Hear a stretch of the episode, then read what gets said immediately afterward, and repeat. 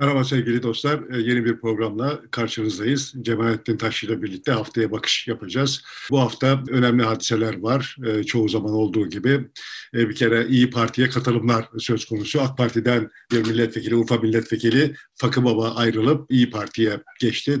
Gerçi tören salı günü yapılacak ama bunu ilan etti. Kendisi de kendi cümleleriyle söyledi, doğruladı. Onun dışında başka katılımlar da olacak İyi Parti'ye. İşte Oktay Vural'ın katılacağı söyleniyor. Kurşat Zorlu e, katılmış idi. Türk dünyasını iyi bilen bir isim. Bahattin Şeker ve Turan Çömez de katılmışlardı. Ayrıca Meral Akşener ile Ekrem İmamoğlu'nun çok yakınlaşması ve birlikte bir takım törenlere katılması, Anadolu'ya çıkmış olması var. Ee, onun dışında Liz Truss'ın istifası ve Britanya'da yeniden e, bir hükümet krizinin gündeme gelmiş olması, Boris Johnson'ın e, yeniden başbakan olma ihtimalinin gündemde olması, cemevlerle ilgili çıkan kanun e, var, onu da konuşacağız. Bir de Mehmet Ali Çelebi'nin katılım töreninde Cumhurbaşkanı Erdoğan'ın 5, 10, 15 çocuk diye tekerlediği konuyu ele almış, onu değerlendirmiş olacağız. Evet, hoş geldiniz diyelim. Bizi desteklemeye ihmal etmeyin diye baştan bu sefer uyarmış olalım arkadaşlarımızı. E, katıl butonuna katılarak ve basarak dahil olarak. Evet, İyi Parti bir merkez parti mi oluyor bunlara baktığımızda ona da bakalım ama esas itibariyle de Eşref Fakı Baba'nın, Ahmet Eşref Fakı Baba'nın AK Parti'den ayrılması ne anlama geliyor ve İyi Parti'ye katılması, geçmesi siyaseten bize ne söylüyor? Aslında konuşmamız gerekiyor olan bir başka mevzu var. Ee, ekonomi var. Ya, ekonomi. Yani ekonominin ekonomi Nobel ödülleri verildi. Bu arada da Türkiye'de faiz 10,5 puana indirildi. Ne manaya geliyor üzerinden. Aslında bu konuların herhangi birisi üzerinden zaten saatlerce konuşulabilir diye düşünüyorum. Yani içinde yaşadığımız şeylerin saçaklı olduğunu, her birisinin çok saçaklı olduğunu düşünüyorum da. İyi Parti'ye gelecek olursak yani İyi Parti bir karar noktasında gibi görünüyordu zaten uzunca bir süredir ve işte bizim gibi böyle konuşup duranların genel olarak tahminleri değil temennileri üzerinden İyi Parti'yi bir merkeze yerleştirme çabası var idi. Ben ısrarlı bir biçimde İyi Parti'nin kendisinde öyle bir çaba görmediğini düşündüğümü söylemiştim. E, şimdi yeniden bir şeyler oluyor. Yeniden bir hareketlenme var partide ve yeniden acaba merkeze mi oturuyor diye düşünülüyor. Yani çünkü herkes merkezde bir boşluk olduğunu, bu boşluğun doldurulması gerektiğini, buraya en yakın adayın da Akşener olduğunu düşünüyor. Yani herkes haklı yani. Son, son tahlilde aslında bütün bu tartışma bize Türkiye'nin hangi durumda olduğunu gösteriyor. Yani bizim bir merkeze ihtiyacımız var. Çok farklı farklı yönelimleri olan çok sayıda sosyal kesimden mamulüz. Bir biçimde bu sosyal kesimlerin herhangi birisinin kesin olarak hakim olmadığı, herkesin bir arada bulunabildiği bir merkeze ihtiyaç duyuyor olduğu toplumun bu tartışmalardan görünüyor bana kalırsa. Şimdi tabii bu merkez derken CHP de bir merkezi temsil ediyor. İşin sol tarafının bir merkezi var da esas sağ kesimin merkezi yok gibi duruyor. Yani işte bu da Türkiye'nin genel terminolojik sıkıntılarından bir tanesi. CHP merkez falan değil. Yani CHP'nin temsil ettiği kesimler merkez değil. Benim kanaatime göre. Türkiye'nin e, merkez sağ diye adlandırılmış olan bir merkezi var idi. Yani aslında Türkiye'nin solu hiç olmadı zaten. Yani Türkiye'de işte CHP diye bir hadise var. Türkiye gibi ülkelere özel bir durum olabilir. Yani modernleştirilmiş ülkelere özel bir durum olabilir. Bu yani CHP'nin muadili mesela İngiltere'de, Almanya'da, Fransa'da yok yani. Yani oralarda sosyal demokrat partiler var ve onlar sosyal demokratlar. CHP kendisini sol, sosyal demokrat olarak adlandırmaktan hoşlanıyor veya CHP'yi oy verenlere öyle adlandırmaktan hoşlanıyor da son tahlilde o kesimlerde CHP'de aslında son derece devletçi bir özne yani. Dolayısıyla hani CHP'nin muadilini yurt dışında bir yerlerde bulmak da zor. Yurt dışındaki sol sosyal demokrat siyasi özneleri Türkiye'de muadilini bulmak da zor yani. Böyle Devlet, iki eksikliği. Devletçi merceğinden bakarsak CHP de devletçi, merkez sağın tamamı da devletçi. Değildi. Yani son tahlilde merkez sağın devletle ilişkisi şöyleydi. Yani bunlar beni döverler. Dolayısıyla bunların suyuna gitmem gerekiyor. İhtiyaçlarını, minimum ihtiyaçlarını karşılamam gerekiyor ama özü itibariyle toplumsal bir itirazın eklektik bir bileşkesi oldu merkez sağ hep. Yani buna Demokrat Parti'nin ilk dönemlerini dahil etmiyorum. Demokrat Parti'nin ilk dönemleri reel bir sosyal demokrat, Avrupalı sosyal demokrat parti hüviyetini daha çok andırıyor idi ama çok kısa süre içinde yani şöyle söyleyelim Demokrat Parti sahaya çıkıyor iken azınlıkların, gayrimüslimlerin vesairenin kendilerini bulabileceklerini zannettikleri bir odak idi yani. Yani öyle e, odağın kendisi öyle bir iddiaya sahip idi. Daha liberal ekonomik politikalar ve devletle daha mesafeli duran bir şey halindeydi. Ama yani dayak yiye yiye daha doğrusu dayak yemeden başlayarak dayak yiyeceği korkusuyla böyle işte devletle ikircikli bir ilişki geliştiren Evet, Ama yani ucunda Celal Bayar'ın Menderes'in Sertellerle görüştüğü, Tan Gazetesi'nin yayın yönetmeni sahibi e, görüştüğü, evlerinde buluştuğu, daha bir sola açıldığına dair çok konu aktarıldı günümüze ama sonradan orada hızla uzaklaştığı da söyleniyor Demokrat Parti'nin. Ha gördük yani yaşandı o. Hızla uzaklaştı yani 6-7 Eylüller falan o dönemde yaşandı. Sonuçta merkez sağ denen şeyin genel eklektik yapısı şuydu yani o merkez sağa oy veriyor olan kesimlerin tamamının devletle bir alıp veremediği var idi. Ama bunu böyle biçimsiz bir hesaplaşma halinde değil, işte pazarlık halinde yürütmeye çalışan kesimlerdi bunlar. Ama hepsinin devletle bir sıkıntısı vardı yani. Sonuçta bizim merkez sağ dediğimiz ve işte çok kolaylıkla aşağılanıyor olan, aşağılanmış olan kitle aslında şöyle bir kitleydi. Yani ben Aleviyim, ya Aleviler için bunu söylemek kolay değil ama diyelim ben dindarım ama yani işte devletle pazarlık yaparak yani işte başımı açıp sonuçta işte ama Cuma'ya giderek durumu idare edeyim. Devlet de bana bulaşmasın. Öteki taraftan işte liberali vardı. E, işte ılımlı solcusu vardı. Neyse yani. Sonuçta bunların hepsinin derdi yani devlet yanlış işler yapıyor. Ben de buna katılmıyorum. Benimle beraber buna katılmayan herkesle bir araya gelip yani ötekinin ötekiliğine itiraz etmeden esas işaret edilmesi gereken husus buydu. Yani o merkez sağda buluşanlar pekala biliyorlardı ki merkez sağda buluştukları insanlarla öyle çok da e, iyi geçinebilecek durumda değiller. Değil mi ya? Merkez sağa oy veriyorlar.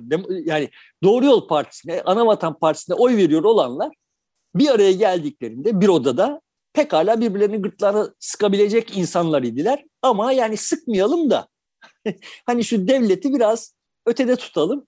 E, bir, bir arada yaşayalım. Derdinde olan insanlar idiler. Dolayısıyla şimdi bu da işin bu da toplumun merkezi yani. Sağduyulu bir merkezi. 90'lı yıllarda işlev görmeyince, boşa düşünce, merkez partiler bunu yapmayınca aradan e, AK Parti çıkıp geldi. Devleti geriletecek, e, vatandaşı devleti karşı koruyacak bir misyonla. Yani evet, yani, AK, yani AK Parti. E, AKP'ye 2002'de ve 2007'de oy verenlerin de e, kompozisyonu böyleydi yani. Birbirinin gırtlaklarına basıyorlar idi. Ama son tahlilde AKP'nin arkasında durdular. Evet. Yani iştiyakla durdular üstelik de. Şimdi te, burada şunu söyle, e, söylüyor değilim. O merkez sağ politikaları, merkez sağ partilerin uyguladıkları politikaları onaylıyorum, destekliyorum. Hiç onaylamadım, hiç desteklemedim. Bunlar bunlar bahsi diğer. Demeye çalıştı sonuçta toplumda birbiriyle kavgalı olsalar bile gırtlak gırtlağa gelmeme kararlılığı sergiliyordu olan ve işte belli bir siyasi proje çerçevesinde pazarlık yürüterek birbirleriyle ve devletle pazarlık yürüterek var kalmaya çalışıyor olan bunun yandaşı olan geniş bir kesim var. Bu kesimlerin her birisinin kendince kusurları olabilir ama son tahlilde itişmeden bir arada yaşamaya çalışıyor olanlar, bir başkalarını biçimlendirme tasası olmayanlar yani. Peki, Türkiye'de şunu şunu sorabilir miyim? Sorayım yani daha doğrusu. CHP'nin altılı masayla birlikte yaptığı faaliyet bir merkezi yeniden inşa etme e, olarak tanımlanamaz mı? Bu manada da CHP bir merkez partiye doğru dönüşüyor mu? Dönüşmüyor mu? Şimdi burada bizim galiba terminolojik sıkıntımız şurada çıkıyor. Ben so- olayı toplumsal kesimler üzerinden okuyorum. Yani CHP siyasi bir özne. Kılıçdaroğlu siyasi bir özne. Toplumsal kesimlerde farklı düzlemde birer siyasi özne. CHP'nin başında bir takım adamların oy alma kaygısıyla veya şu veya bu sebeple bir takım işler yapmaları başka bir şey. Başka bir düzlem yani. Şimdi ısrarlı bir biçimde olayı o düzleme taşımaya çalışıyorsun. Ben de diyorum ki bak benim baktığım yer sosyal kesimler. Tamam. CHP'ye oy verenlerin ya tamam kardeşim evet tamam bizim şimdi merkeze geliyor olmamız gerekiyor demiyorlar. Yani işte geçen de yazdığım gibi yani CHP'ye oy veriyor olan kesimler Türkiye'nin genel sosyal kesimlerinin tamamından neredeyse memnuniyetsizler. Onları biçimlendirmek istiyorlar. Yani onlardan kendi kafalarına göre insanlar yaratmak tasasındalar. Şimdi CHP kendi kendisine, Kılıçdaroğlu kendi kendisine bir şeyler yapıyor olabilir. Bu kesimleri dönüştürmeye gücü yetmiyor ya da niyeti yok. Ben ben bunu hissetmiyorum yani. Varsa ben bunu hissetmiyorum. Ben yanılıyorumdur. Ama o, o kesimlerin de dönüşmeye niyeti yok. Yani onlar da ha bak ya şunları yapıldı, şunlar yaptık biz ve başarısız olduk.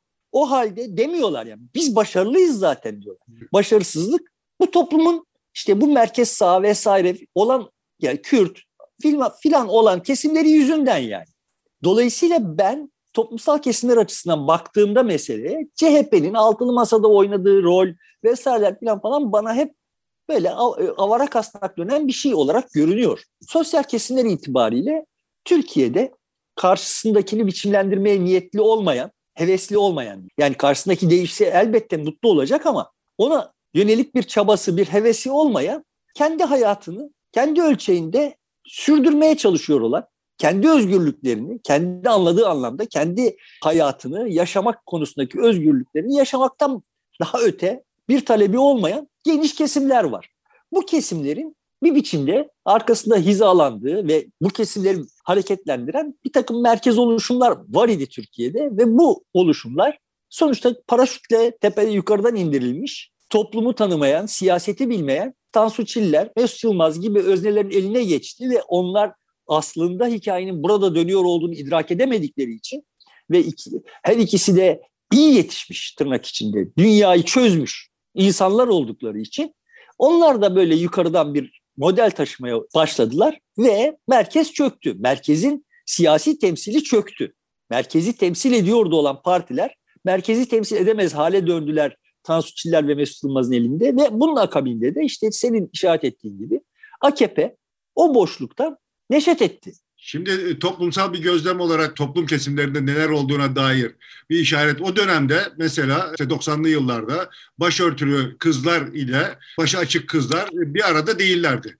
Farklı farklı gruplar halinde geziyorlar idi. Çok nadirdi bir arada olmaları. Ama şimdi görüyoruz ki sokakta bayağı dekolteli kızlarla kapalı türbanlı kızlar yan yana yürüyorlar ve sohbet ediyorlar ve bu yani tekil de değil artık daha e, önde olan bu. Tek tek gezmek, kendi bildikleriyle, beraber olduklarıyla gezmek yerine bir arada dolaşmayı, kahveye gitmeyi, çalışmayı önceleyen bir hal var. E, aynı müzik konserinde e, birlikte müzik dinleyebiliyorlar gibi. Yani demek ki aşağıda bir toplumsal merkez oluşmuş gibi gibi görünüyor buradan bakarsak. Toplumsal merkez zaten vardı. Şimdi çok güzel bir yere işaret etti. Şöyle bakalım. 1990'larda başörtülü kadınlar vardı başörtüsüz kadınlar vardı. Bunlar senin dediğin şekliyle bir araya gelmiyor iseler bile sonuçta o başörtülü kadınların arasında o başörtülü kadınlar yekpare değildi. O başörtülü kadınların arasında herkesin başını örtmesi, şematize ediyorum yani meseleyi. Herkesin, her kadının başını örtmesi gerektiğini düşünen ve buna bu projeye gönüllü yazılmış olanlar vardı. Evet. Bir de başı örtülü olduğu halde başkasının başını ört, örtmemesiyle ilgilenmeyenler vardı. Benzer şekilde başı açık kadınların arasında da herkesin başını açması gerektiğini düşünenler vardı. Bir de ya benim başım açık olmasına itiraz edilmediği sürece başörtülü kadınlarla uğraşmıyorum diyenler vardı. O herkesin başını örtmesi gerektiğini düşünenler ve herkesin başını açması gerektiğini düşünenler azınlıktılar toplumda. Benim başım açık ve başörtülülerle arkadaşlık da etmem ama onun başını açmak için uğraşılmasına da katılmam diyen kadınlarla benim başım örtülü, başkasının başının açık olmasına itiraz etmem, onunla bir araya da gelmem ama onun başını örtmeye kalkanların da arkasından gitmem diyen kadınlar merkezdiler. Bunu kastediyorum. Ve bu hep vardı. Tamam mı? Şimdi biz hep meseleyi başı örtülü olup herkesin başını örtmeye kalkanlar, başı açık olup herkesin başını açmaya kalkanlar üzerinden okuyoruz. CHP başı açık olup herkesin başını açmaya çalışanların partisi. Dolayısıyla merkez değil. Hiç olmadı yani. Şimdi hala bu karakter mi baskın CHP'de? CHP'nin kendisinin oyununun ne olduğu önemli değil. CHP'ye oy verenlerin kahir ekseriyeti herkesin başının açık olması gerektiğini düşünüyor. Dolayısıyla CHP üzerinden konuştuğumuz zaman o tabandaki şeyi, o ayrımı göremiyoruz yani. Halbuki benim açımdan asıl özde toplum olduğu için Ben topluma baktığım zaman evet o biz herkesin başının açık olmasını istiyoruz ve siyaset de bunun gereğini yapmalı di, diyenler buradan bir şey öğrenmediler. Gördünüz işte bak herkesin başının açık olmasını biz istiyorduk ve haklıydık. Bak işte görüyorsunuz diyorlar yani. Tamam şimdi dolayısıyla benim açımdan sosyal kesimler itibariyle bakıldığında oyun başka bir oyun ve bu oyunda CHP'nin yapıp ettiklerinin herhangi bir ehemmiyeti yok. Kılıçdaroğlu kendisince ve hakkaniyetle şunu istiyor olabilir. Ya kardeşim bak biz bunları yaptık yanlış yaptık şimdi doğrultalım diyor demek istiyor. CHP tabanının böyle dönüşmesini istiyor olabilir. Eğer böyle bir niyeti var ise bunu e, yakışıklı bir biçimde yapamıyor. Nereden biliyorum? O toplumsal taban dönüşmüyor. Yani onların çocukları senin dediğin gibi dönüşmüş durumda. Zaten onlar da CHP'ye çok ilgi göstermiyorlar. Son tahlilde toplum değişiyor bir, bir, bir şey tamam ama toplum değişmeden önce de zaten bir merkezi vardı ve merkezin karakteri buydu. Şimdi o merkezin siyasi temsilcisi yok. Şimdi uçlarda olanlar başkalarına bir hayat ve devlete bir misyon yüklüyor olanlar, farklı misyonlar ve farklı hayatlar düşünerek oyunda yer alıyorlar ve biz onları konuşup duruyoruz durmadan. Halbuki toplum gösteriyor ki, görünüyor ki tartışmalarda yani İyi Parti merkeze çekme çabalarından görünüyor ki bir merkez boş merkeze bir boşluk var. Şimdi Meral Akşener'in bu yapıp ettiklerini, bundan önce yapıp ettiklerini biz ısrarlı bir biçimde Akşener'in İyi Parti'yi merkeze yaklaştırma çabası olarak okuduk ve şimdi de böyle okumaya çalışıyoruz. Halbuki Meral Akşener tam da bu arada böyle devleti çok önceleyen, milletin çok önüne çıkaran filan bir jargonla karşımıza çıkıyor. Aman ha sakın ha benden böyle bir şey beklemeyin demeye çalışıyor gibi bir edası var. Yani 12 Eylül öncesinde işte sayısız cinayet işlemiş birisinin arkasından tweet atılıyor İyi Parti adına filan. Yani bakın bizim koordinatlarımız belli ha bizi merkeze çekmeye çalışmayın diyor gibi görünüyor bana. Bu arada işte bir yandan da bu tür transferler oluyor. Bu transferlerle ben merkeze gitmeyeceğim ama hani beni sanki merkezdeymiş gibi algılayın demek istiyor gibi de bir, bir eda var yani. İkili bir görüntü var orada bir kargaşa, ideolojik kargaşa var gibi ya da nerede duracağını tam e, belirlememiş olma hali yaşıyor, görüntüsü veriyor İyi Parti'nin yönetimi. E, yani ikili bir yapı var ve evet. bu ikili yapının olmasını ben parti kurulmadan öncesinden itibaren bekliyor idim. Yani ben Meral Akşener'in kendisine partiyi kurarken eğer bu kadar partiyi kendi kariyer çizgisinin dışında kurulmasına izin verirse eğer partinin bir süre sonra Meral Akşener'i kendi çizgisine çekecek olduğunu söyledim. Akşener'in kendisine söyledim yani bunu. Yani Akşener kendisi merkezdeki boşluk üzerinden bir Türkiye'nin ihtiyacını karşılamak gibi bir hissiyata sahip olabilir. Anladığım kadarıyla bunu formüle edebilecek bir kabiliyeti yok yani. Sıkıntı burada. Ama parti e yani işte son tahlilde MHP'lilerin şehirleşmiş olanlarının partisi olarak ve oradan uzaklaşmaya hiç niyeti olmayan bir özne olarak var ve belki de hani bunların karşılıklı ve iradi olmayan ikisel yani aşağıdan gelen bir çelişkisini yaşıyoruz. Ama burada görünüyor ki Meral Akşener aslında Türkiye'deki boşluğu hissetmiş olsa da onu doğru tarif edememiş. Evet. Yani bu boşluk bak kardeşim biz Türk'üz ama tamam ya yani şimdi böyle Türklük üzerinden Kürtlere bir şeyler dayatılmasına filan tarafta değiliz. Ya yani o ortada Kürtler var ve yani bunlarla bir arada yaşayacağız. Sevmiyoruz, sevmiyor olabiliriz yani. Ama onlara bir şeyleri dayatarak problem çözmek gibi bir derdimiz yok diyen o geniş kesimin ve yani yine Kürtler arasında da ya tamam biz Kürtüz ama ya Kürtçülük yapmanın da alemi yok. Yani işte hani bu İstanbul'a göçeceğiz netice itibariyle. Yani diyenler ya bu, bu geniş kesim böyle hani tırnak içinde ideolojisiz, siyasetsiz dediği o işte zevzek olanın. Ya aslında son derece net bir siyaseti var yani oranın. Bak bir arada yaşayacağız. İyi kötü işte yoksulluktan çıkmaya çalışacağız. işte okuyacağız. işte bir statü sahibi olacağız filan diyen sıradan insanların son derece net siyaseti idi o merkez. O, o, o, o kesimlerin taleplerini tam olarak yerine getirdi veya işte devletle bu anlamda, devleti bu anlamda geriletebildi falan demiyorum yani. Beceremediler ama son tahlilde onları taşıyordu olan bir kitle var Türkiye'de. Vardı ve hala var ama bunun siyasi temsili yok. Merkez boş yani.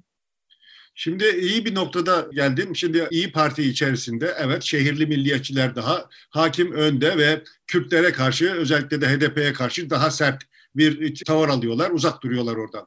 Bu eğilim geliştiği bir sırada işte Ahmet Eşref Fakı Baba'nın katılması İyi Parti'ye bununla tam ters. Eşref e, Fakı Baba tam da sıradan Kürt vatandaşını temsil eden, e, herhangi bir aşirete de mensup olmayan bir şahıs. Yani o biraz da demek ki kendiliğinden oraya yönelme isteği var. Evet Meral Akşener görüşmüştür, davet etmiştir falan ama bu ihtiyacı görüyor, oraya gitme ihtiyacını görüyor. Demek ki tabandan gelen bir şey ve yalnız olmadığı da anlaşılıyor. Kendisiyle beraber e, birkaç kişinin daha gideceği, milletvekili düzeyinde gideceği de ifade ediliyor. Yani şimdi Fakı Baba'nın Kürtlüğü ve yani Kürtler tarafından ne kadar Kürt kabul edildiği çok tartışma götürür. Urfa net toplamda ciddi bir Arap nüfus barındıran bir yer. Dolayısıyla Fakı Baba bu anlamda sembolik bir gösterge olarak kabul edilebilir değil gibi geliyor bana. Fakı Baba'nın AKP'den ayrılmasının AKP'ye bir zarar verme ihtimali var mı? Lokal olarak var. Yani daha önce test edilmişti yani. yani Erdoğan Fakı Baba'ya mağlup olmuş idi daha önce. Dolayısıyla şimdi buradaki yani Fakı Baba hikayesini Kürtlük üzerinden okumak çok zor. Fakı Baba hikayesini ama Erdoğan'ı yenmiş bir adam olarak Urfa gibi bir yerde Erdoğan'ı yenmiş bir adam olarak okumak kolay. Bu anlamda merkeze taşımak konusunda İyi Parti'ye bir değer katıyor olduğunu düşünmüyorum. Ama me- meydan okuma konusunda, Erdoğan'a meydan okuma konusunda bir değer katıyor. Fakı Baba'yı nasıl razı ettikleri konusundaki hikaye doğruysa eğer e, yani ev, ciddi bir çaba harcanmış. Bu çabanın arkasında yani muhtemelen işte bir yara açma, bir can yakma motivasyonu var ve bu sonuç verecektir diye düşünüyorum yani. Ama senin söylediğin bu anlamda bana çok şey gelmiyor yani. Aa bak evet Kürtlere de daha medeni bir biçimde yaklaşan, yaklaşan bir siyasi özne haline geliyor Hayır Parti. Değil, değil ama merkez sağa oy verebilen Kürtler e, İyi Parti'ye de oy verebileceği gibi bir anlayışa giderek sahip oluyor da olabilir. Tam tersi bu eğilimi gösteriyor olabilir Fakı Baba'nın geçişi. Çünkü Urfa'dan gene bir milletvekili geçecek. İşte e, başka e, Doğu illerinden bir iki milletvekilinin daha geçeceği e, söyleniyor. Eğer o geçişte olur ise bu çizgi bu şekilde gelişiyor denebilir belki de. Yani son tahlilde şimdi Kürt nüfusun önemli bir bölümü aslında benim açımdan bakıldığında son derece merkezde. Yani HDP'ye oy veren Kürt nüfusun kimseyle dövüşmek gibi bir niyeti yok idi. Yani biz 2015'e geldiğimizde o Kürt nüfus merkez bir nüfus idi. Şimdi can havliyle işte bir biçimde bir, bir pozisyon almış durumdalar. O nüfusa Fakı Baba'nın veya başka bir benzer muhafazakar AKP'ye oy vere gelmiş o Kürt nüfusa yani bu tür transferler Aa, evet İyi Parti doğru yolu buldu Kürtlerle de işte daha medeni bir ilişki kurmaya niyetlendi duygusu uyandırır mı? Hiç zannetmiyorum. Bunlar yani işte tekrar söylüyorum ya çok yukarıda çok dizayn kokan hikayeler toplumsal dinamiklere hassas değiller. Yani toplumu oyunun öznesi yapmak konusunda çok isteksiz bir durum var ve bu durum değişmedi diye düşünüyorum. Ben böyle hissediyorum. Ravesta e, var e, Doğu illerinde araştırma yapıyor düzenli olarak. Onun yöneticisinin ifadesine göre Doğu'da AK Parti'ye oy veren kesimlerin önemli bir kısmı DEVA'ya gitmek niyetinde ama DEVA'nın iktidar olma ümidini görmedikleri için de CHP'ye daha çok yöneldikleri söyleniyor. Ve dolayısıyla bugüne kadar milletvekili çıkaramadığı pek çok ilde bir iki e, milletvekilinin CHP tarafından çıkarılabileceğini ifade ediyor. Yani orada AK Parti'den şeye doğru bir uzaklaşma var. Aslında DEVA'ya gidecekler belki ama e, CHP'ye bir yönelme var. Tamam.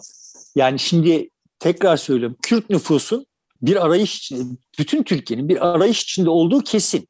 Yani bunu görüyoruz yani. Burada burada bir anlaşmazlığımız yok. Merkezde sahipsiz, kimse tarafından beğenilmeyen ama toplumun kahir ekseriyetini oluşturan bir kesim var ve bunların siyasi temsili yok. Herkesin bir projesi var. Şimdi bu siyasi temsili olmayanların arayış içinde olmalarını anlıyoruz yani. Bu, burada bir sıkıntımız yok bizim. Mesele şu, yukarıdakilerin hiçbirisi problemi böyle formüle etmiş ve toplumu özneleştirmeye niyetli bir programa sahip değil. Ve benim söylemeye çalıştığım şey İyi Parti'nin şu yapıp ettiklerinin oralarda, o kesimlerde aa bak tamam oldu bu iş duygusu uyandıracak sonuç sahip olmadığını düşünüyorum. Yani demeye çalıştığım şey bu. Bu çok şekilsel bir takım şeyler ve bu yüzden de senin dediğin gibi işte orada hala arayış sürüyor. Devamı CHP mi, İyi Parti mi falan falan. Kimse çünkü cevap vermiyor benim diye. Tamam yani herkes ben değilim bak ama sen yine de benmişim gibi davran modunda yani. Ya bak ben devlet diyorum diyor. Kadın işte e, şey saymış salı günü konuşmasında hani senin ya buradan bu konuşmadan da bir şey çıkmıyor dediği salı günkü konuşmasında Meral Akşener'in Rujen saymış yani şeyleri. Kaç kere devlet, kaç kere millet geçiyor diye. Tabii şimdi yani ve işte buradan devlet abla diye şık bir ifade de çıkartmış. E kadın diyor yani kardeşim bak siz devletin kulusunuz. Yani de, esas olan devlettir. Aman ha benden böyle milletin temsilcisi olmayı falan falan beklemeyin yani. Tamam mı? Sonuç, sonuçta kadın ama bunları söylerken siz yine de sanki ben oymuşum gibi bana oy verin diyor. Yani şimdi tablo şöyle bir şey.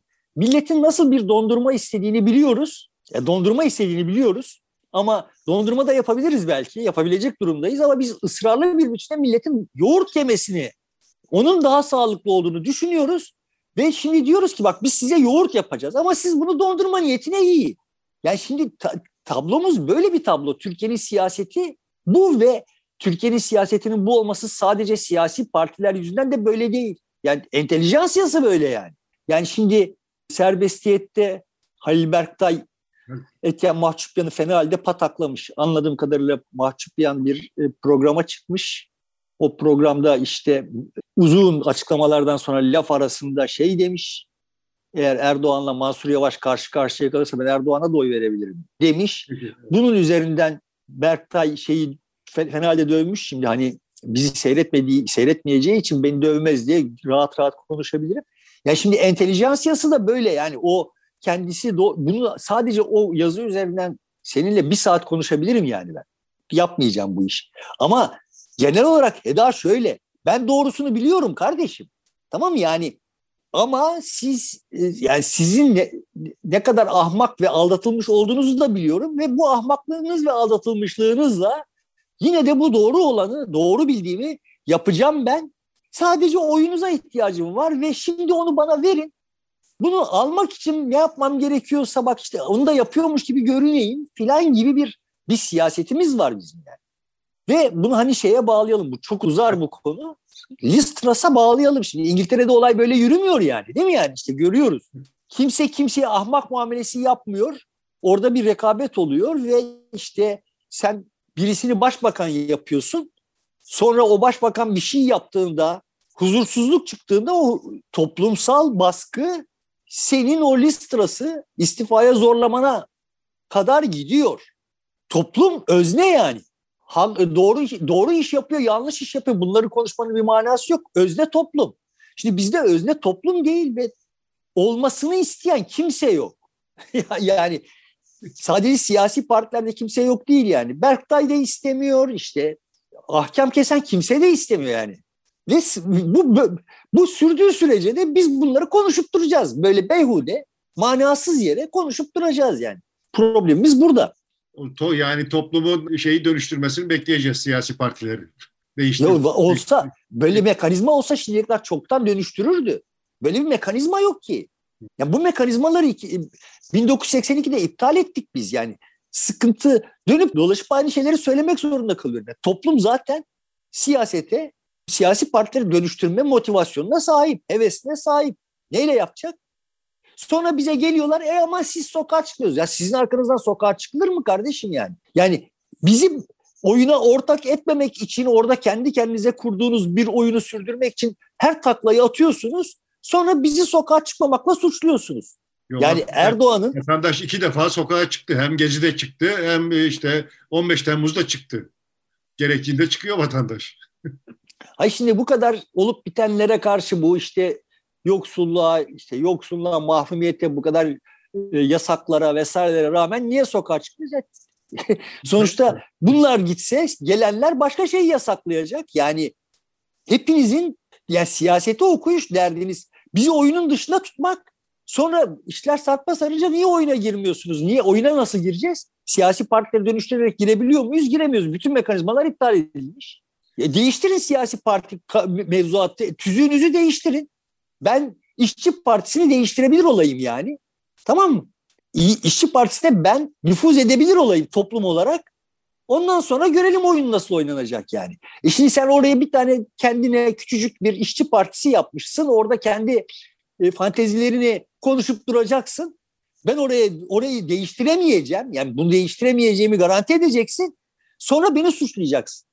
Şimdi bizim elimizde bu siyasi partileri dönüştürebilecek kabiliyet yok. Me- mekanizma yok yani. Hevesimiz eksik değil, niyetimiz eksik değil, gücümüz yok. Ve bu siyasi sistemin Türkiye'yi getirdiği yeri şimdi işte orada başörtülülere, burada Alevilere, şurada Kürtlere, burada milliyetçilere, burada göçmen karşıtlarına filan yükleyerek ya kardeşim biz hepimiz böyleyiz işte parça parçayız. Ve iyi ki böyleyiz. Buradan istersen bu Ekrem İmamoğlu ile Meral Akşener'in birlikte Gümüşhane'ydi galiba. Orada bir e, hizmeti test açtılar. Beraber oldular yani. Bu da baş, başka türlü yorumlara yol açtı. E işte Ankara Belediye Başkanı Mansur Yavaş'ın yerine İstanbul Belediye Başkanı daha çok destekliyor. E mesela İstanbul'da bir iş yaptıracaksan CHP üzerinden değil, belediyede iş yaptıracaksan İyi Parti üzerinden gidersen sonuç alabiliyorsun gibi. Yani sanki İmamoğlu ile Meral Akşener'in birlikte e, yeniden bir e, merkez sağ inşa edecekleri yönünde değerlendirmeler de var. Diğer katılımları da dikkat eder alırsak sanki iş oraya gidiyor diyenler de var. Bu konuda yani e, sadece ancak zannen konuşabilirim. Ama hissiyatım şu benim. Yeni, yeni değil bu da. Yani aylar öncesinden hissiyatım şu. Son tahlilde Akşener şahsi olarak, kendi şahsı olarak İmamoğlu'nun Cumhurbaşkanlığı adaylığı ve Cumhurbaşkanlığından yana yatırımını oraya yapmış durumda. Ama parti e, Mansur Yavaş'ın arkasında duruyor. Bu hikayede de Akşener'in sıklıkla bir yandan parti tarafından partiyi tatmin edecek işler yapmak zorunda kaldığında işte Mansur Yavaş e, lafı ediyor ama orada bir sükunet sağladığında asıl e, hikayesini gündeme getiriyor diye düşünüyorum. Yani onun projesinde doğru olanın İmamoğlu olduğunu zannediyorum. Şahsi projesinde. Bu da evet yani Yavaş onun koltuğunu tehdit ediyor anlamında söylüyorsun bunu değil mi? Yok. Yani aslında demin söylediklerimle bağlayabilirim. Yani şey Meral Akşener iyi kötü şeyi hissediyor yani. O milliyetçi zeminde durarak kendi potansiyelini realize edemeyecek olduğunu, daha merkezde bir şeylere ihtiyaç olduğunu hissediyor. Bunun adını koyabilmiş değil, bunu formüle tahlil edebilmiş değil. Yanındaki yamacındakilerin zaten böyle tahliller yapabilecek kabiliyeti yok. Çünkü dediğim gibi toplum hep o uçlarda, marjlarda olanlar tarafından okunuyor. Toplumun ana gövdesini kimse okumuyor yani. Kimse ciddiye almıyor. Dolayısıyla Akşener de onu doğru düz formüle edemiyor. Yani bu toplumun devletle ilişkisini, yani devlet lazım ama bize karışmayacak bir devlet lazım diye özetlenebilecek devlet tasavvuru hakkında doğru dürüst bir tahlil yok memlekette ve dolayısıyla şimdi toplumdaki o ya devlet olmazsa da olmaz kardeşim. Hani orada bir şey de olması lazım. Tasavvurunu kendi devlet tasavvurunun muadili olarak okuyor Akşener. Ama aslında içten içe seziyor ki yani bu oyun İmamoğlu türü biriyle kurulabilir. Dolayısıyla bu sezgiyle davrandığını düşünüyorum. Ve ağırlığını oraya daha doğrusu Mansur Yavaş'ın ağırlığını dengeleme ihtiyacı ortaya çıktığında bunu da yaptığını düşünüyorum. Bunun da öyle bir arka planını bilmiyorum ama öyle bir hadise olduğunu düşünüyorum. Şuna işaret etmek gerekiyor. Ya, içeriden gelen bilgi ne kadar doğru bilmiyorum.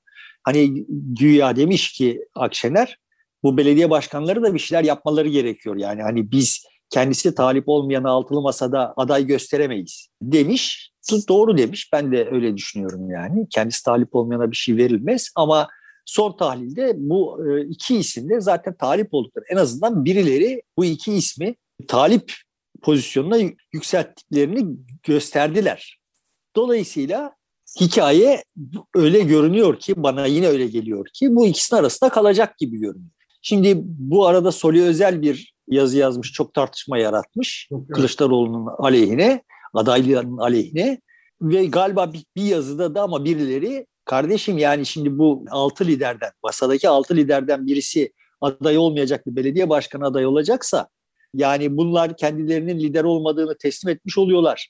Böyle şey olur mu? Yani şimdi ben niye Kılıçdaroğlu'nun de, değil de İmamoğlu'nun aday olmasını kabul edeyim türü bir takım laflar etmiş. Kim olduğunu şimdi hatırlamıyorum. Belki Sol Özel'in yazısının içinde de vardı bunlar. Tablo öyle değil yani. Sonuçta Erbakan liderdi ama e, yani işte belediye başkanı Tayyip Erdoğan malı götürdü. Yani yarın malı götürebilecek olan kimse eğer şimdi belediye başkanı olmasının bir manası yok. Belediye başkanlığı oraya sıçramak için bir uygun bir basamak olduğunu zaten ispatladı, ispatlamış durumda. Mesele şu. Yani bizim derdimiz şu. Bu belediye başkanlarının içinden eğer böyle bir şeye talip olanlar var ise bunların kendileri ayaklanıp kendileri talip olup bir şeyler yapabilecek mekanizması yok Türkiye'nin. Yani şimdi Londra Belediye Başkanı eğer İşçi Partisi'nin mevcut durumundan şikayetçi olup bir alternatif olduğunu düşünse o İşçi Partisi'nin de zemin kazanıp yükselme şansı var. Türkiye'de öyle bir şey yok ki. Türkiye'de seçilmiş krallar var her partinin başında ve e, onların icazeti gerekiyor yani. Yani en azından bu işin suhuletle yapılabilmesi için onların icazeti gerekiyor. Ama icazeti bir gerekiyor da biraz önce ifade ettiğin gibi Meral Akşener'in e, söylediği gibi onların da bir şey yapması, çaba harcaması Yap. gerekiyor. Yani şu bana biraz garip geliyor. E, CHP'nin işte genel başkanından e, ya sen feragat et, kenarda dur.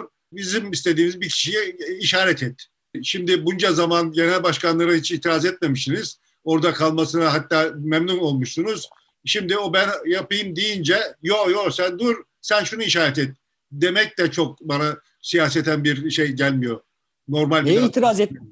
Neye itiraz etmemişiz ya? Her seferinde itiraz edildi ve hiçbir memnun olmadığımızı da herkes gösterdi yani son tahlilde ama bunların siyaseten sonuç doğurma kabiliyeti yokken Mustafa Balbay CHP Genel Başkan aday adayı olduğunda Kılıçdaroğlu onunla onunla bile yani kongre kurultayda birebir yarışmayı göze alamadı ve Bal, Balbay'ın aday adayı olmasını imkansızlaştırdı yani. Mem, memnuniyetsizliği herkes gösterdi ama mekanizma o memnuniyetsizliğin sonuç almasını engelliyor. Mümkün hale getirmiyor.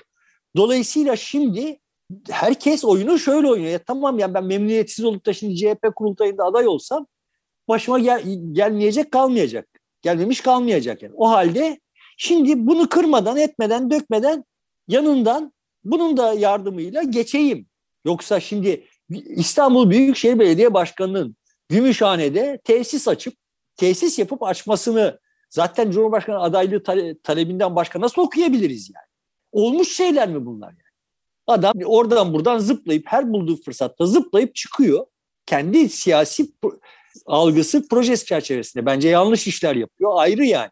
Ama hem adam kendisini Cumhurbaşkanı adayı olarak görüyor hem de rakipleri onu Cumhurbaşkanı adayı olarak görüyor. Yani metro açılışında İBB logosunun kapatılması vesaire falan falan gibi şeyler nereden kaynaklanıyor? Yani adam evet karşısına İmamoğlu çıkarsa diye de korkuyor yani. O yüzden Kılıçdaroğlu sen aday olduğunu açıkla falan falan diye kükrüyor orada. Hepimizin gözünün önünde oynanıyor oyun. Ya hep biz görüyoruz. Şimdi burada ısrarlı bir biçimde siyasetin mekanizmasının ne kadar imkansızlıklar yaratıyor olduğunu tartışmıyoruz da bu şahısları konuşuyoruz yani. Ben de ben de bu yüzden kendimi çok çaresiz hissediyorum. Ya bak kardeşim gözümüzün önünde oluyor her şey yani. Kılıçdaroğlu CHP kamuoyunu da temsil etmiyor. Neyi temsil ettiğini iddia ediyorsa onu da temsil etmiyor. Ortada temsil edilmeyen, siyaseten temsil edilmeyen, özne haline getirilmemesi için her şeyin yapıldığı geniş kalabalıklar var. Vesaire işte bütün bunları konuş yani niye bu eskiden beri merkeze oy vermiş olan, merkez sağa oy vermiş olan ve şimdi sahipsiz olan kesimler niye bu partilere nüfuz edemiyorlar? Bunlar ahmaklar mı yoksa ellerinde imkan mı yok diye konuşmuyoruz biz. AKP'yi AKP'yi bunlar var ettiler. Yani doğru yolu bunlar var etmişlerdi. Tansu Çiller mülküne geçirdi. AKP'yi bunlar var ettiler. Erdoğan bunları mülküne geçirdi ve mani olunamıyor yani. Neden mani olunamıyor? Çünkü işte partinin genel başkanı bir takım vitrin düzenlemeleriyle şey siyaset yapılabilir olduğunu zannediyor idi. Şimdi de Meral Akşener'in yaptığı şey bu vitrini düzeltiyor. Ama içerideki ürün aynı ürün yani. Pekala şimdi ellerinde bir imkan var. 100 bin imza meselesiyle aday olup çıkabiliyorlar ortaya. Bunu ben yani bunu kurabilirler. Ben bunun çalışacağını düşünüyorum zaten. Hala o imkanı kullanılacağını düşünüyorum. Evet o zaman e, buradan birazcık da değindik ama İngiltere'yi biraz daha konuşalım. Bir hükümet krizine gitti 45 günde. Bu herhalde tarihinde ilk bu kadar erken bir değişiklik oluyor. Niye böyle oldu? E, niye böyle bir hataya düştü? Sadece kraliçenin ölümüyle açıklanmaz herhalde böyle bir şey. Ve şimdi yerine ne gelecek? Johnson gelebilir mi yeniden? Ve Johnson gelirse otoriter özelliklere sahip liderlerin bir avantaj daha kazandığı dünyada gibi bir değerlendirmede yapılır mı? Bu hikayenin teferruatını çok da iyi bilmiyorum. Yani olabildiği kadar takip ettim ama çok da, teferruat da zaten beni çok ilgilendirmiyor ama bu arada hani şeyi kayda geçirmiş olalım bu Daily Star'ın manşetini. Listras mı daha çok dayanacak, Marul mu diye bir bahis açmıştım. Marul daha çok dayandı yani.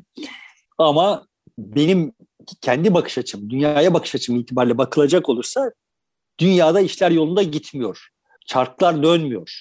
Mekanizma kendisini yeniden üretme kabiliyetini kaybetti. 2000'lerin yani 2004-2005 civarında tamamen kaybetmiş idi. Oradan itibaren son derece e, irrasyonel bir dizi müdahaleyle ölmüş olan sistem ayakta tutulmaya çalışılıyor diye bakıyorum ve bu bunun da sonuna gelindi artık. Yani bu ölmüş olan sisteme irrasyonel müdahaleler de akıl dışı, akıl dışı belki doğru tabir değil, görülmemiş. Hem mahiyet olarak görülmemiş hem ölçek olarak görülmemiş müdahalelerle sanki yaşıyormuş gibi bu sistem sürdürülmeye çalışılıyor idi. Bu sürdürülemiyor. Şimdi İngiltere'de bunların olması çok anlaşılmaz görünmüyor bana. Çünkü öyle veya böyle orada mekanizmalar hala çalışıyor. Mekanizmalar çalıştığı için o mekanizmaların içinden bu büyük probleme küçük mekanizmalarla cevap üretilmeye çalışıldığı için durmadan çark değişiyor yani. Bir de şu bir de bu filan bir arayış olduğunu görüyoruz. Yani uzaktan baktığım zaman benim gördüğüm bir, bir belayla karşı karşıyayız. Bu belayı adlandıramıyoruz, tarif edemiyoruz. Bütün dünya olarak tablo böyle zaten. Bizim bildiğimiz belalara benzemiyor bu bela. Geçmişte yaşadığımız hiçbir belaya benzemiyor. Yepyeni bir belayla karşı karşıyayız. Ve bu belayla bizim elimizdeki mekanizmayı aşırı zorlayarak, bütün imkanlarını deneyerek acaba bir cevap üretebilir miyiz? Çabası var. Şimdi bizde bu yok. Neden yok? Çünkü o mekanizma zaten yok. Ama İngiltere'de bu var. Neden var? Çünkü mekanizma çalışıyor hala. Bu mekanizma bu probleme çözüm üretebilir mi? Üretemez. Çünkü problem İngiltere'nin problemi değil. Problem Büyük Britanya'nın problemi değil. Birleşik Krallığın problemi değil. Dünyanın problemi. Ama işte hani elimizdeki imkanlar neler? Bunlar. Bu imkanlarla bu probleme bir cevap üretmeye çalışıyorlar. Üretemeyecekleri düşünüyorum. Yani bundan önce de öyle düşünüyordum yani. Listras'ın bir çöz. Şöyle de bir garip durum oldu. İşte orada Muhafazakar Parti'de bir komite var. O devralıyor işi ve seçimi o yönlendiriyor. E, bundan önceki seçimde delegeler yani üyeleri Muhafazakar Parti üyelerinin de oy kullanması benimsenmişti. Şimdi onlar oy kullanmayacak.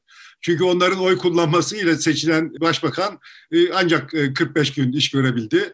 Ve o süre içerisinde bunun uygulayacağı ekonomik politikaları eleştiren Rishi Sunak mesela parlamentoda daha doğrusu muhafazakar milletvekilleri arasında birinci e, seçilmişti. Şimdi sadece işte kendi milletvekilleri arasında seçim yapacaklar. Aday olabilecekler de en az 100 milletvekilinin desteğini alarak çıkacak. Dolayısıyla en fazla 3 aday çıkabiliyor. 3 aday arasında bu önümüzdeki hafta içerisinde olup bitecek yarış yöntem de değişmiş oldu yani.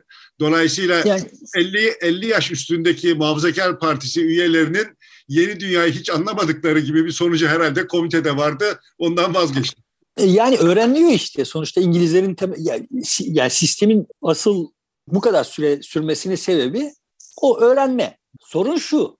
Son tahlilde yani diyelim ki yeni bir bela geldi ve biz okulda bu belayla baş etmeyi öğreneceğiz ama okuldaki müfredat ezber Eski eski belalarla nasıl baş edileceğini öğretiyor yani.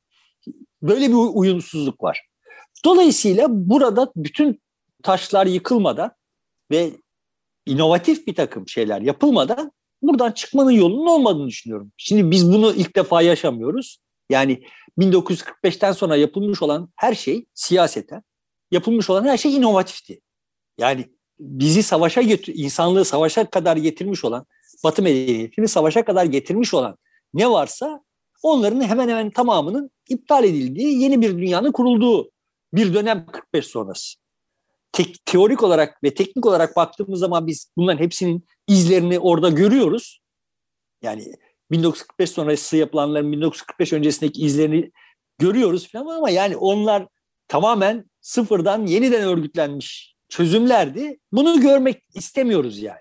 Şimdi de bize evet sıfırdan hiçbir şey yapamayız. Eski malzemeden yapacağız ama o eski malzemeyi hiç olmamış şekliyle örgütlememiz gerekiyor.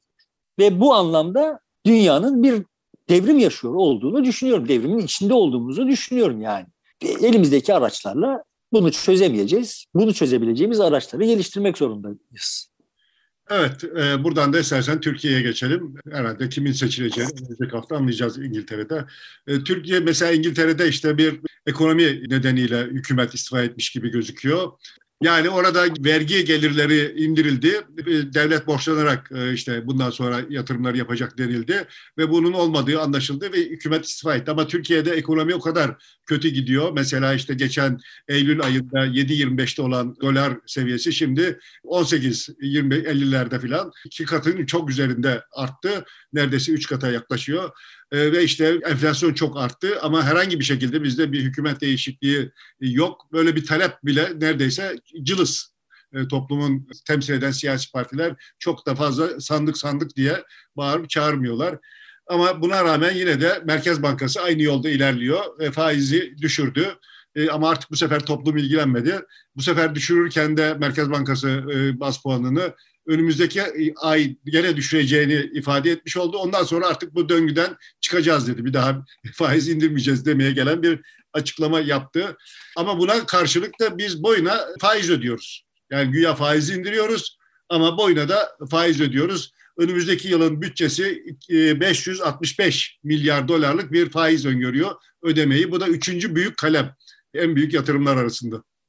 Yani şimdi bu da çok saçaklı bir mevzu. Saatlerce konuşulması gerekiyor olan bir mevzu. Şimdi şuradan başlayalım. Yani sonuçta faizi düşürüyorsun. Hangi faizi düşürüyorsun? Yani ödediğin faiz düşmüyor yani. Evet. Birçok başka faizler de düşmüyor. Yani son tahlilde ben tüketici kredisi alırken efendim işte aa bak Merkez Bankası faizi şu kadarmış deyip de bankalar bana ona göre faiz vermiyor yani. Reel faiz ayrı, bankanın e, faizi ayrı oluyor. Merkez... Ben yani Merkez Bankası'nın faizi çok uzun süre önce şeyden koptu. Ekonominin diğer bütün gerçekliklerinden koptu ve görünüyor ki orada işte sittin senedir böyle sembolik bir takım algı operasyonlarıyla memleket yönetmiş olan Erdoğan işte tek basamaklı bir faiz ile filan böyle tatmin olacak. Yani derdimiz gücümüz onun tatmin olmasını sağlamak. Yani 9'a düşecek ya ben de geçenlerde söylemiştim bu programda. Yani şimdi de aynı şeyi söyleyeyim kardeşim şunu bir kere de dörde düşürün.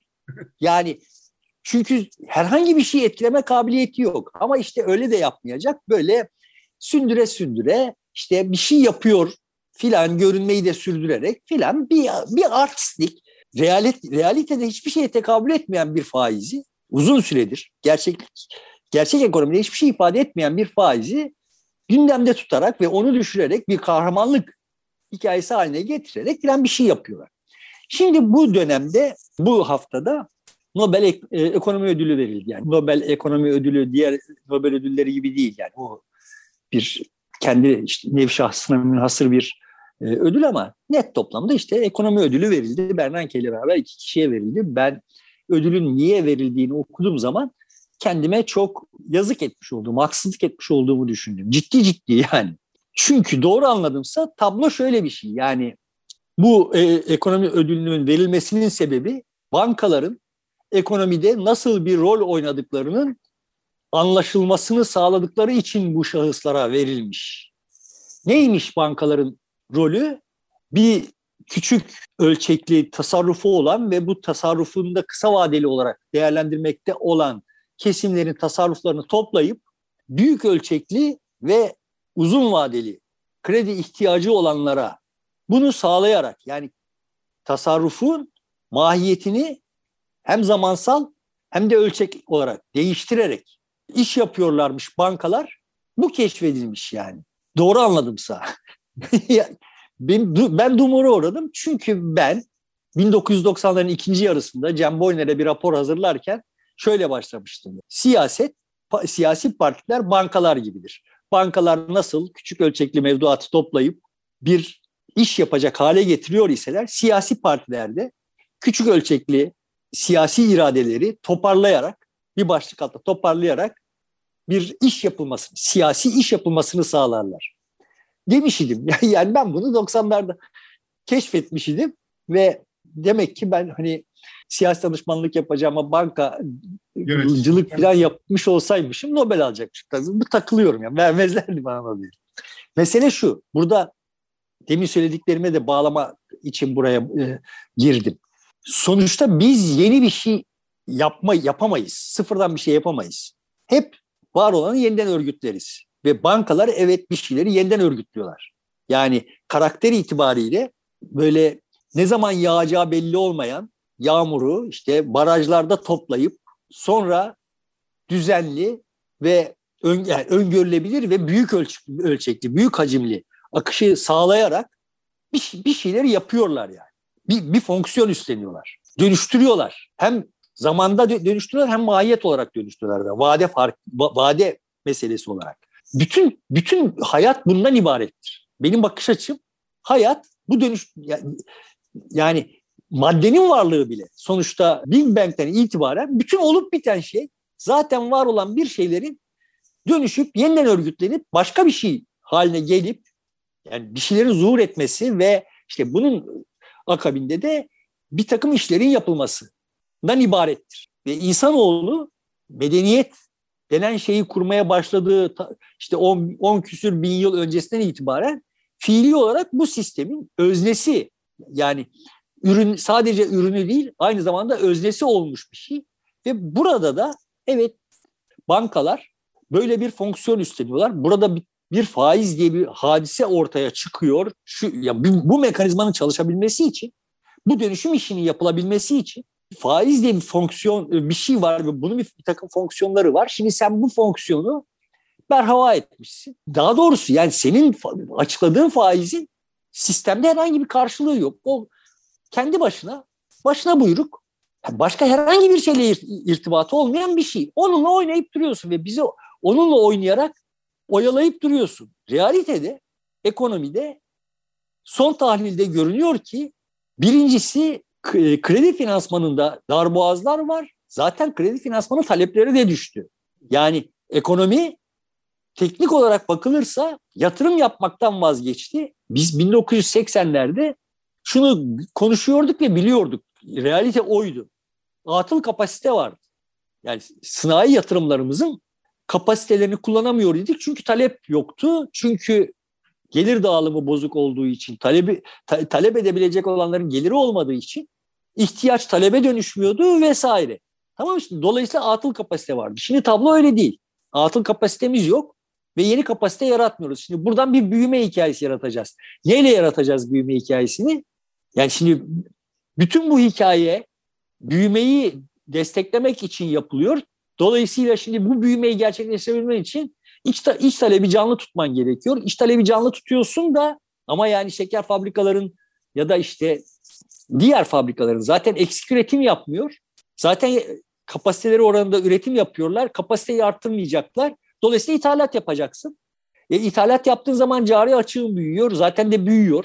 Tamam yani son tahlilde şimdi Türkiye'nin ekonomisi mevcut haliyle tamamen absürt bir karaktere sahip ve bir masal anlatılıyor bize. Buradan evet yani şimdi dolar yükselince, Türk lirasının değeri düşünce ihracat artacak falan hikayeleri var. Şimdi ama dolar artmasın diye de olağanüstü bir kaynak transferi var. Yani doları stabil tutmak için muazzam bir kaynak transfer ediliyor. Herhangi bir yapılan diğer yapılana denk gelmiyor. Şimdi Bernanke ödül gerekçesinde şey geçiyor. Anortodoks politikalar yani o 2008 krizine gösterdiği reaksiyonun anortodoks olması, ortodoks olmaması. Yani. Dolayısıyla hani böyle bakınca Nebati'nin ettiği kalabalık lafı anlamlı hale getiriyor gibi görünüyor. Tamam şimdi anortodoks politika ya ihtiyacımız var. Demin sözünü ettiğim o İngiltere'nin durumundan söz ederken sözünü ettiğim durum bizim şimdiye kadarki ekonomi kavrayışımızın eksik, gedik, bugünkü şartları açıklamakta yetersiz olduğuna yaslanıyor. Dolayısıyla evet anortodoks bir şeylere ihtiyacımız var. Ama anortodoks demek yani ortodoks değil demek her şey gider manasına gelmiyor. Bu postmodernlik tartışmaları sırasında Feyara ben ne olsa gider. Anything goes demişti galiba ve çok eleştirilmişti ve ben de evet yani o noktadayım. Yani bizim modernlik sırasında ürettiklerimizin artık gitmiyor olduğu kesin. Buna bir itirazım yok. Ama bu şu manaya gelmiyor. Her şey gider manasına gelmiyor. Peki her şey gitmezse ne gider? Yani gidecek olan nedir? Çalışacak olan. Şimdi bildiklerimiz çalışmıyor. Ama ne yaparsak çalışacak, ne yaparsak işe yarar demenin de bir manası yok. Peki ne çalışacak? Neyin çalışacak olduğunu piyasa belirleyecek. Yani her anlamda piyasadan. Yani alemin ekosisteminden söz ediyorum. Ekonomiden söz ediyor ekonomik ek- ekosistemden, siyasetten söz ediyorsak siyasi ekosistemden söz ediyorum. Siyasette işler yolunda gitmiyor. Mevcut siyasi mekanizmalarımız geniş toplumsal kesimleri kimsesiz bırakıyor. Bu şu manaya gelmiyor. Bu mevcut siyasi politikaların dışında her şey işe yarar. Her şey iş görür manasına gelmiyor. Neyin iş göreceğini yine o ekosistem belirleyecek. Yani şöyle söyleyeyim. Bütün canlılık 20 küsür amino asitin örgütlenmesinden meydana gelmiştir. Ama bu 20 küsür amino asiti sayısız biçimde örgütlemek mümkün. Bunların birçoğu da denendi evrim tarafından ve yaşamadı. Neyin yaşayacağına o yaşamış olanlar, yaşıyor olanlar karar verir. Yani kargaların yaşıyor, yaşayabilmesi diğer türlerin yani kargaların yiyebileceği türlerin var olması ve işte kargaların varlığına fayda sağlayabilecek diğer türlerin var olmasıyla belirlenir. Yukarıda bir tasarım yok. Yukarıda bir tasarım yapamayız. Dolayısıyla bulduğumuzu el yordamıyla bulmak zorundayız. Ama el yordamıyla buluyoruz diye her şey bizim yaptığımız her şey işe yarayacak diyemeyiz yani. Biz peşinen önceden bilebiliriz ki AKP'nin yapıyor olduklarının işe yaramayacağı görünüyor. Neyin işe yarayacağını bilmiyor oldu, olmamız AKP'nin yaptıklarının işe yaramayacağını bilmemizi engellemiyor yani. Çok uzattım ama. Yok iyi anlaşıldı bence burası. Yani geleneksel politikalardan kopmamız gerekiyor ama böyle kafamıza göre nastır diye faizi düşüreceğiz. Onun biz burada bunu düşürüyoruz ama ödediğimiz faizi de düşüremiyoruz. Burada bir gösteri yapacağız faiz düşürme gösterisi ama işte kredi faizleri başka bir şeyle e, sürecek. Efendim işte tüketici kredisi faizleri başka bir vitesle değişecek. Son tahlilde bak yapıp ettikleriniz Türkiye'de üretimi arttırmaz, arttırmıyor. Ne paylaşımı düzenler. Her ne kadar Merkez Bankası üretimin arttığını ve istihdamın da arttığını ifade etse de e, öyle olmadığı anlaşılıyor. Öyle değil yani görüyoruz hepimiz. Zaten birçok bir rakam da şimdi rakamları sabunluyorlar. Bir yerlerdeki sabunladıkları rakam öteki taraftan çözülüyor. Yani son tahlilde yatırım düştü. Yani Türkiye her halükarda bütün o sıkıntılı hallerde bile yatırım iştahı olan, insanlara sahip olan bir ülkeydi ve şimdi o yok. Yani neden yok? Çünkü dolar doların faizi yüksek yani. Senin senin faizin düşük olmasının bir manası yok. Dolayısıyla şimdi böyle bakıldığında işler yolunda gitmiyor. İşlerin yolunda gitmesini sağlayacak bir akıl yok ortada. Sadece gösteri yapıp sadece işte böyle tek haneli faiz filan gibi böyle sembolik bir şeyler üzerinden tepinerek, bunların üzerine aşırı tepinerek gösteri yapmak yapmayı yönetmek zanneden bir heyetin elindeyiz. Siyasette de olay böyle. Yani işte Mehmet Ali Çelebi'yi transfer edeceğiz. O bize böyle başka diğerlerine gol atmış olmayı sağlayacak. Ya da burada işte Fakı Baba'yı transfer edeceğiz.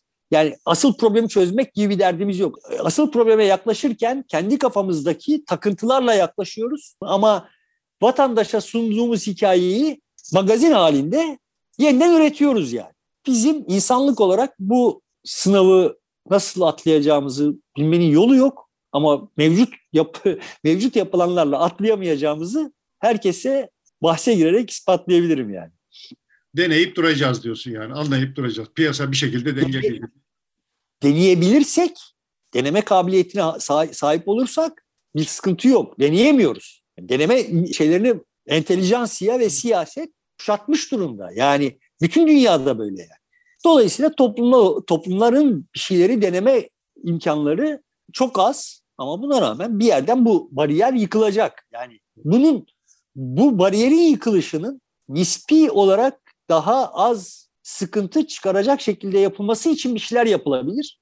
Bunun için toplumu özel haline getirmeyi, toplumu daha güçlü hale getirecek bir şeyleri yapmak işe yarayabilir gibi bir vehmim var benim. benim yani bütün bu gevezeliklerimin arkasında yatıyor olan o. Yani yoksa gel, gelmekte olan kıyameti gelmeden önce gördüm. Kasırgayı ya da tsunami'yi ben gelmeden önce gördüm.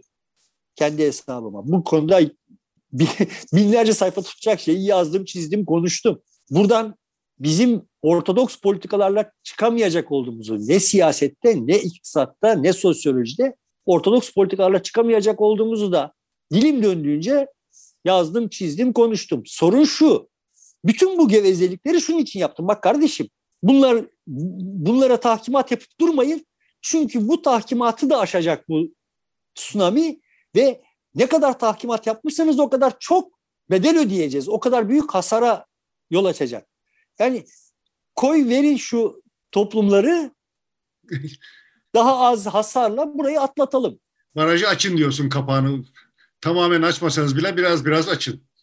Evet yani olabildiği kadar bunu işte suhuletle yapmanın yani bilmediğimiz bir dünyaya doğru gidiyoruz. Bu bilmediğimiz dünyaya oradan Celal şuraya gitsin ben buraya gideyim falan falan birilerimiz bir vaha bulana kadar bir el, el yordamıyla gidelim. Şimdi bizim bunları yapmamıza mani olacak şekilde olağanüstü bir tahkimat yapılıyor. Tam tersi yapılıyor yani. O da işe yaramayacaktır. İstersen burada bitirelim. Cemevleri vardı onu görüşecektik ama süre herhalde bize çok... Şeyi de istersen değinebiliriz yani. 10, tamam. 5, 10, 15 Evet, kısacık bir e, cemevlerinde değinelim. Yasa çıktı. Devlet destek verecek, kadro verecek isteyenlere e, cemevlerinin e, işte elektrik, su gibi giderleri karşılanacak. Ama asıl tartışma konusu işte bu ibadethane mi değil mi meselesiydi. Bahçeli mesela orada ibadethane olarak kabul etti, AK Parti etmedi. İşte böyle işleri işte sembolik düzeyde ve işte magazin düzeyinde yönetmeye çalışıyoruz. Yani Alevilerin asıl talepleri neler? Bunlarla ilişkimiz yok. Buradan ne fayda murad ediliyor bunu da çok iyi anlıyor değilim ama işte hani çıkıp bize temel lüksleri olacak ki bak görüyorsunuz Türkiye'nin bilmem ne kadar zamandır kangren olmuş olan me- meselesine biz çoğulcu bir yaklaşımla yaklaştık. Herhalde böyle bir fayda murad ediliyor. Tam olarak bir mana veremiyorum yoksa yani olup bitene. Bu, bu ee, dışarıda bastık diyorlar yani. Ha yani. Ama aslında Aleviler ne istiyorlar? Ve Aleviler bundan ne kadar tatmin oldular? Yani kendi dinlerinin Kültür Bakanlığı'na bağlanmış olmasından ne kadar tatmin oldular? Bunu bilmiyorum yani. Ama dediğim gibi yani aslında tuşlara basılıyor da hep bütün tuşlara basılıyor ama tuşların arkasındaki bağlantılar yok. Sen tuşlara basıyorsun da ekranda bir şey belirmiyor. yani bu, bu kadar avara kasnak dönüyor bütün dünya sistemi uzunca bir süredir.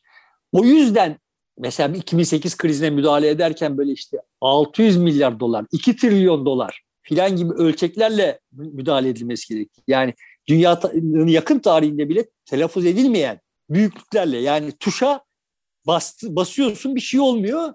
Tuşun üzerine tuğla vuruyorsun filan gibi bir şey yani. Acaba bir şey olur mu diye. E, o yani ekranda bir şey beliriyor o arada ama senin belirmesini istediğin şey o değil. Ya tuşun ona bağlı olma, olmadığını varsayıyor idin. Çünkü zaten tuğlayla vurduğun zaman da tuşa vurmuş olmadın yani klavyeye vurmuş oldun. Ekranda da bir ka- kaotik bir şey belirdi yani. Ha, ama ben yaptım oldu. Şimdi AKP'nin yapıyor oldukları da böyle şeyler. Aslında mesele sonuçta AKP'nin zamanında heyecanlandırmış olduğu, şimdi heyecanlandıramıyor olduğu kitlelerin talepleri. Buna, buna hassas olması gerekiyor. Onu yapmıyor. Yani bu hassasiyet olmadan iş yapıyoruz. Evet böyle diyelim. Ee, burada bitirmiş olalım. Sevgili dostlar burada bitiriyoruz programı. Teşekkür ediyoruz. Bize destek olduğunuz için de var olun, sağ olun. Hoşçakalın.